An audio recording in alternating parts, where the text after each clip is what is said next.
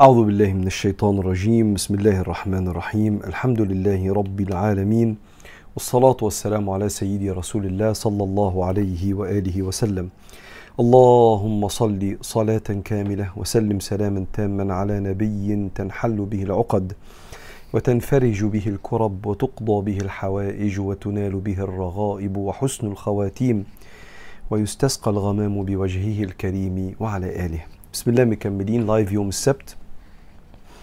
وقراءة حكمة من حكم سيدنا تاج بن عطاء تاج الدين أحمد بن عطاء الله السكندري وإن كنا متوقفين الفترة دي عن حكاية الحكم العطائية وبنتكلم في خواطر عن الأحداث الجارية اللي بتمر بيها أمة سيدنا رسول الله عليه الصلاة والسلام وأمة العرب. النهاردة في ثلاث مواضيع عايز أتكلم مع حضراتكم فيها. الموضوع الأولاني إحساس الوجع. إن العالم موحش وإن في شر كتير وإن كتير من الناس أصحاب القلوب الرحيمة مش عايز يعيش في العالم ده. وفي جوة كده تحت الطبقة دي تساؤل كده يعني ليه ربنا أراد إن يعدي بالعالم في تاريخه أوقات فيها أذى كبير قوي كده من البشر؟ أنا ما كنتش أتمنى أشوف ده يا رب في ملكك أبدا. موضوع التاني شعور الخيانة. اللي البني آدم بيشعره وهو بيمارس حياته طبيعية وإخواته في فلسطين بيبادوا بالطريقة دي. الموضوع الثالث اللي هختم بيه مع حضراتكم هل اللي بيحصل ده من علامات الساعة ولا لأ؟ السؤال المطروح في بيوتنا كلنا. خليني أجاوب الأول على السؤال بتاع إن إحنا العالم موحش وأنا مش عايز أعيش في العالم ده. العالم اللي فيه بني أدمين إن هم إلا كالأنعام بل هم أضل سبيلا. أسوأ من الحيوانات في الشراسة والافتراس. أسوأ من الشياطين بل آه إن هم بيعملوا حاجات قد يعجز عنها الشيطان. عايز أقرأ لكم الأول آية في القرآن بتحكي عن سنة من سنن ربنا في تدبير أمر الكون. الله سبحانه وتعالى ليه سنن كثيرة. أشهرها أربعة. سنن يعني إيه؟ يعني ثوابت بيدار بها هذا الكون. سنة التغيير كل حاجة بتتغير. سنة التدافع وسنة التدرج وسنة الابتلاء. خليني أمسك في سنة التدافع دي. من سنن ربنا أي الثوابت اللي بتحصل ومش هتتغير في الكون إن هناك خير وشر عند الناس. والخير والشر ده بيتدافع بيتصارع. وهذا الصراع هو أحد أكبر أسباب نمو الخير في البشرية. تقول لي طب ليه ربنا ما خلقش الخير من غير تدافع؟ أقول لك أنا وأنت يقف العقل هنا عند منتهاه. أنا ممكن أجتهد إني أفسر لك حكمة ربنا اجتهاد ما يعجبكش. أو يعجبك وجسمك يقشعر وتبقى مبسوط من كلامي قوي واللي جنبك ما يعجبوش. لأن في الآخر ده تفسيري لما أعلمه من حكمة الله اللي هي أوسع من إدراكنا كلنا. ما دام معترفين إن ربنا ربنا وأنه حكيم.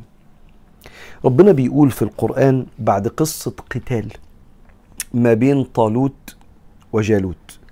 وبعدين في آخر القصة والكلام كله عن طالوت وجالوت طالوت وجالوت.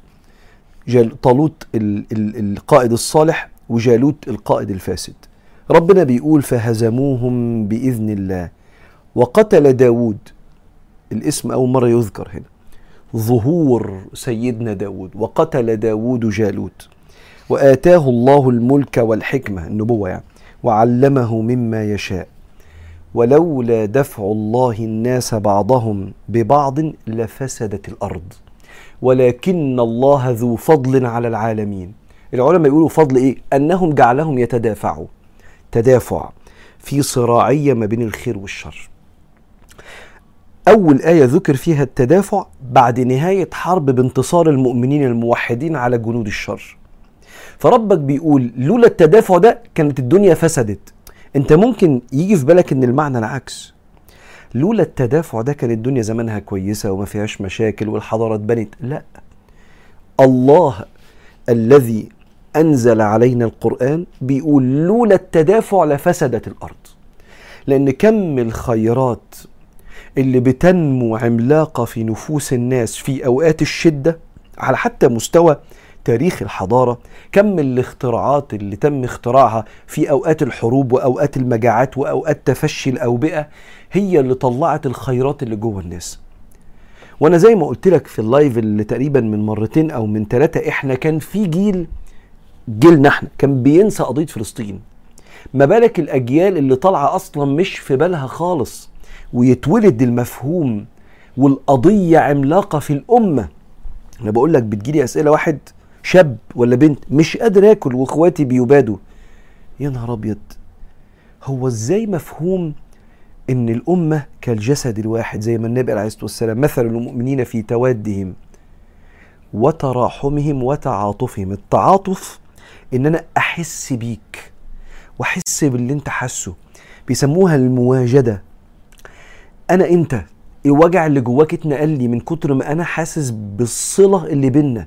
رغم إن إحنا مش قرايب بس إحنا في بينا أخوة الإنسانية كلنا أولاد سيدنا آدم وأخوة الدين وأخوة العروبة. أخوات كتيرة قوي. لدرجة إن بيبقى في بني آدمين مش قادر ياكل مع إنه قاعد في بيته في التكييف مفيش حاجة بس شاف أخوه بيتأذي. أنت فاهم إيه اللي بيتو... بيتولد وبتتحضر له الكرة الأرضية دلوقتي؟ وبالتالي ربنا يقول ولولا دفع الله الناس بعضهم ببعض لفسدت الأرض. فمن أسرار بقاء الخير هو التدافع ما بين الخير والشر. حاجة التانية ربنا بيقول في سورة الحج في الآية 40 بيقول الذين أخرجوا من ديارهم بغير حق إلا أن يقولوا ربنا الله.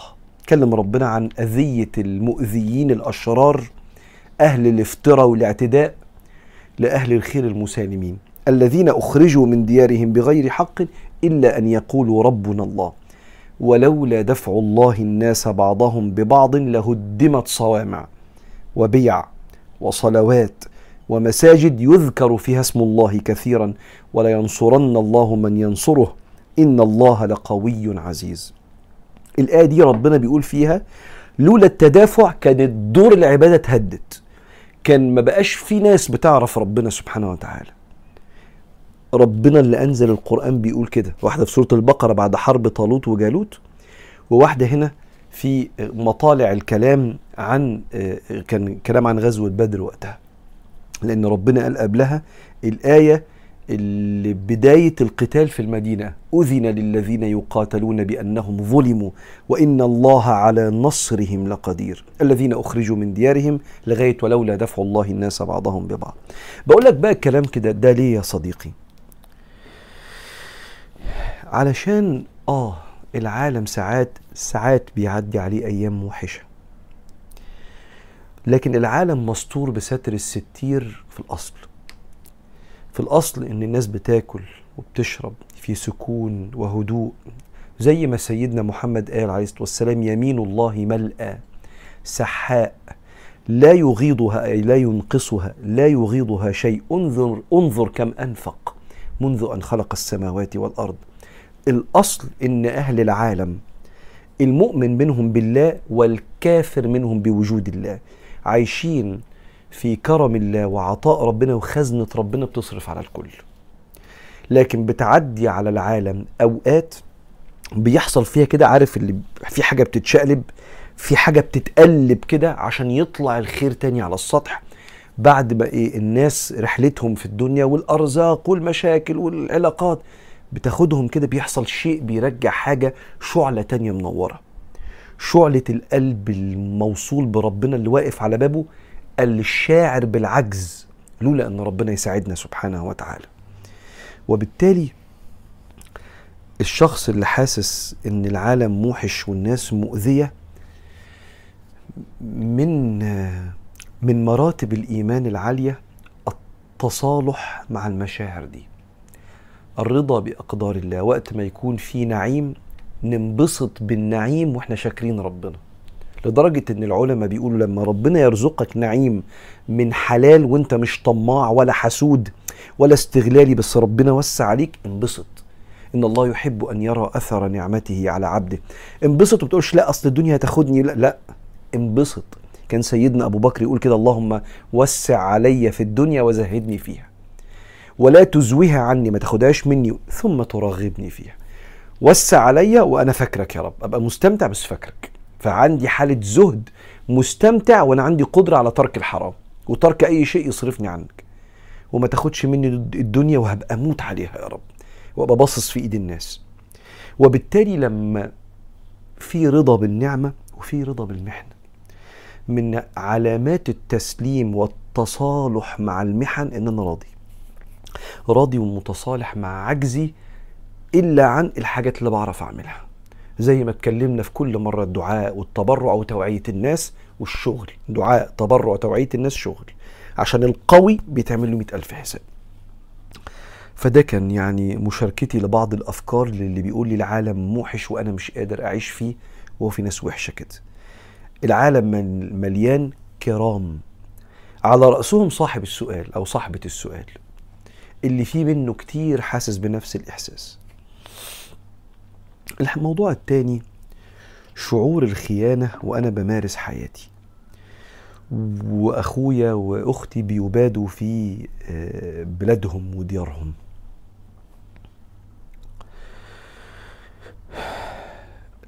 فاكر الحديث لما السيدة عائشة سألت سيدنا النبي عليه الصلاة والسلام عن الطاعون؟ فقال عليه الصلاة والسلام إنه كان عذابا يبعثه الله على من كان قبل قبلكم. وإن الله جعله رحمة للمؤمنين. عدت أمم بتسيء الأدب مع الله وبتقتل الأنبياء فكلما جاءكم رسول بما لا تهوى أنفسكم استكبرتم ففريقا كذبتم وفريقا تقتلون. بني إسرائيل بيقتلوا الأنبياء من زمان. فعد عليهم أوقات كان بيجي لهم طاعون شيء من العذاب من ربنا عليهم لسوء أدبهم مع الله ومع الأنبياء. لكن الطاعون ده جعله الله رحمة على المؤمنين. فأيما عبد أدركه الوباء أو الطاعون فمكث في بلده صابرا محتسبا يعلم أنه لا يصيبه إلا ما كتب الله له إلا كان له أجر شهيد. آه. هو في كام واحد في الأمة دلوقتي بيتمنى الشهادة في سبيل الله؟ في كام واحد في الأمة عمال يقول بمنتهى الاندفاع ومنتهى الحرارة كده أنا عايز أبقى هناك جنبهم جنب إخواتي. في كام واحد؟ في كام واحد قلبه من جوه بيدعي في كل صلاة. كم واحد؟ كم واحد ارتقى لمرتبة الأولياء الصالحين الكبار لمجرد شعور المشاركة وال عارف أنا مش عايز أشارك أنا عايز أبقى أنا مكانه. مش مجرد مشاركة بس بالدعاء أو التبرع. كأن أغلب الأمة مش مكتفيين بقدرته. مكسوف من قدرته. أنا مكسوف إني مش قادر أعمل حاجة تاني. وهنا أقول لك أنت ما تعرفش ده ده حاجة كبيرة إزاي عند ربنا. واصبر لحكم ربك لحكم هو حكم بكده. حكم بكده. واصبر لحكم ربك فإنك بأعيننا. واحد يقول لي الكلام ده مش كافي بالنسبة لي وأنا حاسس بالعجز ومش عارف أنام أقول لك طب وبعدين؟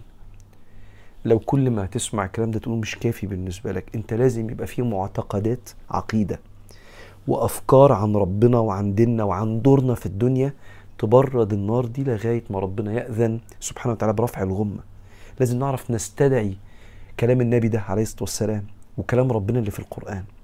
عشان كده ما تشعرش بالخيانة. وانت بتاكل وتشرب وقاعد في بيتك ليه؟ لأنك انت بتعيش بلاءك وأخوك بيعيش بلاءه انت بتعيش بلاءك انك شايف أخوك بيحصل فيه كده ولا تملك إلا الدعاء والتبرع والتوعية وتشتغل عشان تبني نفسك وبلدك فتبقى قوي. عشان اللي جاي يبقى بتاعنا إن شاء الله بإذن الله ونبقى أقوياء ومحدش يجي علينا. ده بلاءك. هو بلاءه لا حاجة تانية. كبيرة قوي. بس الله اللطيف معاه والله اللطيف معاك. وبالتالي أنت لو عشت بلاءه وأنت في مكانك مش تستحمله لأن في كم ألطاف أنا بتكلم يعني كلام كده بيه بالبساطة يعني في كم ألطاف نازل عنده على قد بلاءه وانت نازل عندك على قد بلاءك ألطاف. لو عشت بلاءه مش هتعرف تنجد نفسك بشعور الألطاف لطف ربنا قدر ولطف اللي موجود على قد بلاءك انت. وعايز أقول لك إن أنت مش خاين ليه؟ لأن سيدنا النبي عليه الصلاة والسلام حاسس بيك يوم ما قال لك من رأى منكم منكرا وده منكر يشيب منه الولدان. من رأى منكم منكرا فليغيره بيده وده مش في إيدك. فإن لم يستطع فبلسانه وأنت بتعمل كده وبتوعي الناس وبتكلم الناس وبتنشر على صفحتك ويحجبوها وتنشر تاني ويحجبوها وتنشر ويحجبوها أنت بتحاول. وتقعد في القعدات تكلم ناس عن فلسطين وتذاكر تاريخ فلسطين وإزاي إن هم مش باعوا ما باعوش أرضهم وإزاي إنك أنت ليك دور. إيه ده كله؟ ما أنت بتغير بلسانك أهو. فإن لم يستطع فبقلبه. واحد مش عارف يتكلم في القضية ولا ينشرها ينشرها ما أعرفش حد عشان انشرها قلبي رافض يا رب وبدعي في سجودي. ولو هغير بلساني هغير عن طريق الدعاء. انت مش مقصر. انت مش مقصر. ف... فلا تشعر بالخيانة واستقبل نعمة ربنا في بلدك أيا كان أنت فين بتسمعني زي ما ربنا أنعم عليك. وعيش بلاءك إنك موجوع عشان أخوك وأختك. وادعي ووعي وتبرع واشتغل. الأربع حاجات اللي اتفقنا عليهم. ولا تشعر بهذا الشعور اللي ربنا مش مكلفك بيه إنك خاين. يبقى إجابة السؤال الأخير وهو آه، هل اللي بيحصل ده من علامات الساعة ولا لأ؟ لأ هو هو يقينا اللي بيحصل ده من علامات الساعة بس مش عشان اللي بيحصل بس من علامات الساعة. يوم ما سيدنا محمد عليه الصلاة والسلام بعث من أكتر من 1400 ساعة سنة قال أنا كنت أنا والساعة كده. بس أنا جيت الأول. بعثت أنا والساعة كهاتين وأشار بالسبابة المسبحة دي والوسطى. شوف عاملين إزاي؟ وكنا كفرسي رهان غير أني جئت قبله أنا جيت قبل الساعة بس. الساعة جاية ورايا يبقى سيدنا النبي عليه الصلاة والسلام من 1400 وكسر كان من علامات الساعة. يبقى أي حاجة بتحصل حتى لو ما فيهاش لا حروب ولا مشاكل ما في مئات أو عشرات العلامات بتحصل. كل يوم. حاجات نعرفها وحاجات ما نعرفهاش لو ما قريناش سنة النبي عليه الصلاة والسلام هي الساعة قربت. آه طبعا. طبعا ده ربنا بيقول في القرآن من 1400 سنة اقترب للناس حسابهم وهم في غفلة معرضون. ما يأتيهم من ذكر من ربهم محدث إلا استمعوه وهم يلعبون لاهية قلوبهم. أيوة طبعا يوم القيامة قرب. وبعدين ربنا يقول على يوم القيامة اتقوا الله ولتنظر نفس ما قدمت لغد. إحنا بكرة من كتر ما ربنا عايز يريد انه يقول لنا ده قريب قوي أنه بكرة. هحكي لك على علامات الساعة بس استنى لحظة واحدة علي. أهل الله بيفكروا في الموضوع من إن هي علامات الساعة ولا لأ. طب فيقول لك إيه؟ بتسأل لي احسن المسيح الدجال ينزل فأنا أبقى عايز أجهز نفسي. طب ما أنا وأنت لو متنا بكرة هنحتاج نجهز لنفسنا لمن هو أهم من المسيح الدجال وهو الوقوف بين يدي ربنا سبحانه وتعالى. ويسألني أنا عملت إيه في وقت النعمة وفي وقت المحنة وقت العبادة ووقت المعصية؟ وما إذا مات ابن آدم فقد قامت قيامته. ما أنا لو أنت أنا وأنت سيبنا الدنيا النهاردة ما الساعة هتقوم بعدها بست ساعات. ما ربنا قال كده في القرآن الناس لما بتدفن كأنهم يوم يرونها لم يلبثوا إلا عشية أو ضحاها. العشية من الظهر للمغرب والضحى من الشروق للظهر. الشروق لو آه، الساعة آه، خمسة وشوية والمغرب 12 وشوية أدي كده أقل من آه، الشروق ستة وشوية ستة يبقى أنت بتتكلم على ست ساعات. من ستة ستة وعشرة كده للساعة آه، 12 إلا والمغرب خمسة وشوية من 12 إلا مشيها 12 لغاية خمسة ما كملوش ست ساعات. فلما بندفن بيعدي علينا العشية أو الضحى. لم يلبثوا إلا عشية أو ضحى. فأنت النهاردة بتتكلم على واحد هيموت يوم القيامة بعد ست ساعات. عدوا عليها كده. فقبل ما نسأل هو المسيح الدجال قرب هو المهدي قرب يطلع. استنى استنى. ما ينزل المهدي؟ ما ينزل المسيح الدجال. آه فتنة كبيرة جدا جدا. بس لما سيدنا النبي اتكلم على شر فتنة آه ستأتي ألا وهي المسيح الدجال قال بل الساعة. الساعة هي شر كمان مش مسألة شر إنها الساعة شر إن الفتنة الكبرى إنك تقف بين يدي الله سبحانه وتعالى وتبقى جاهز عشان تبقى بين يدي الله. أما الدجال يكفينا الله سبحانه وتعالى الدجال. ما الدجال فتنة كبيرة جدا بس هو في الآخر تراب. لأنه في الآخر إنسان الدجال ده إنسان. بني آدم ربنا خلقه. هو مش بني آدم هيطلع يجري ورانا في الشوارع وشكله يخوف. بني آدم عنده عين واحدة والعين الثانية ممسوحة. مش كده؟ سمي المسيح. ويقال سمي المسيح لأنه هو سيمسح الأرض في أيام قليله ويقال سمي المسيح علشان شكله مش طبيعي. في حاجة في عينيه شكلها عامل إزاي؟ وبالتالي القضية مش كأنه فيلم رعب. فنبقى إحنا قاعدين مرحسن يظهر الدجال فنبقى لا خالص الدجال ده لو ظهر الله هيقوينا عليه بإذن الله يثبت الله الذين آمنوا بالقول الثابت في الحياة الدنيا وفي الآخرة ويقوينا سبحانه وتعالى. فالقضية مش قضية الرعب. ليه بقى؟ لأن إحنا أصلا قبل لو تستقرئ حديث النبي عليه الصلاة والسلام هتلاقي إن قبل المسيح الدجال ما ينزل في حرب كبيرة هتقوم.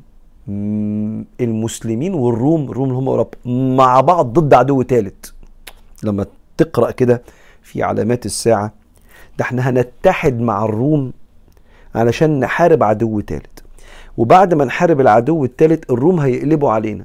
فنحارب الروم في ملحمة كبرى هنا قائدنا هيبقى المهدي. واحد من آل بيت النبي صلى الله عليه وسلم اسمه محمد بن عبد الله. يوحد صفوفنا ويحارب معانا الروم.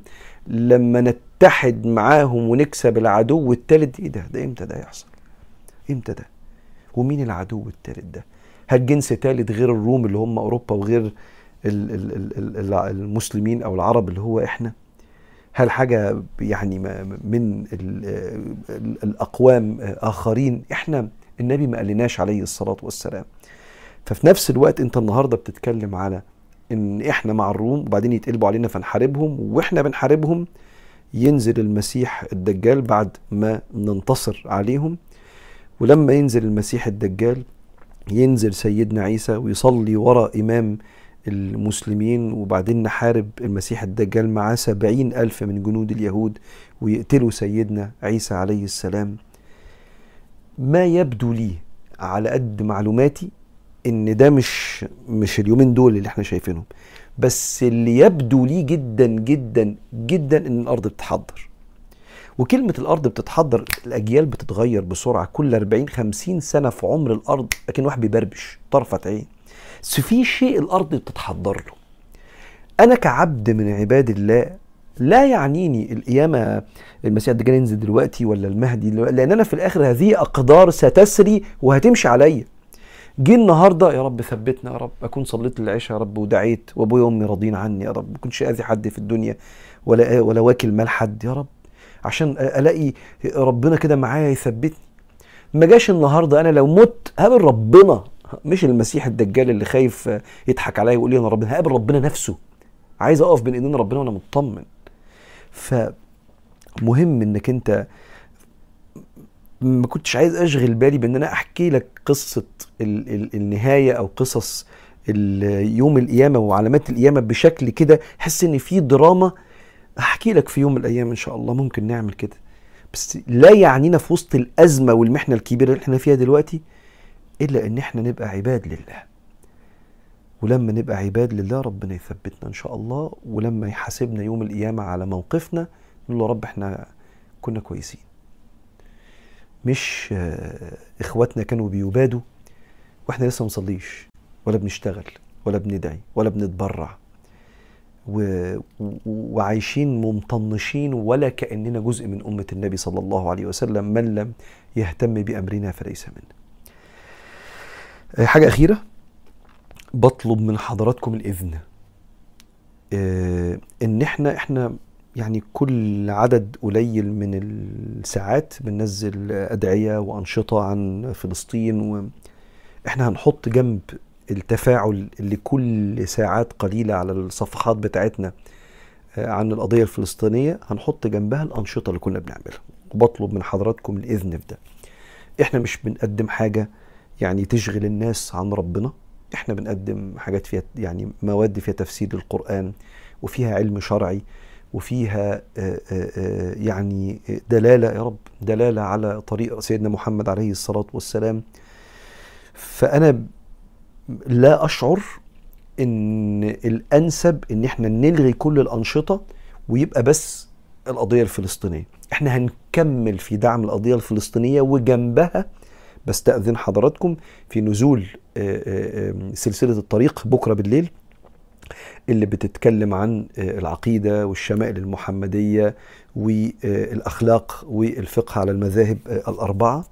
ويوم الثلاث هننزل التفسير. تقول لي أنت هتعمل كده ليه؟ أقول لك لأن أنت في وقت من الأوقات بتبقى أرهقت من الفرجة على المشاهد وعلى الحرب وعلى قراءة الأخبار. بتحتاج إنك أنت تسمع حاجة تانية كده تقربك لربنا. مش لازم تبقى حاجة ترفيهية تخليك مثلا تبعد أو تخلي في مثلا حاجة فيها إثم أو ذنوب.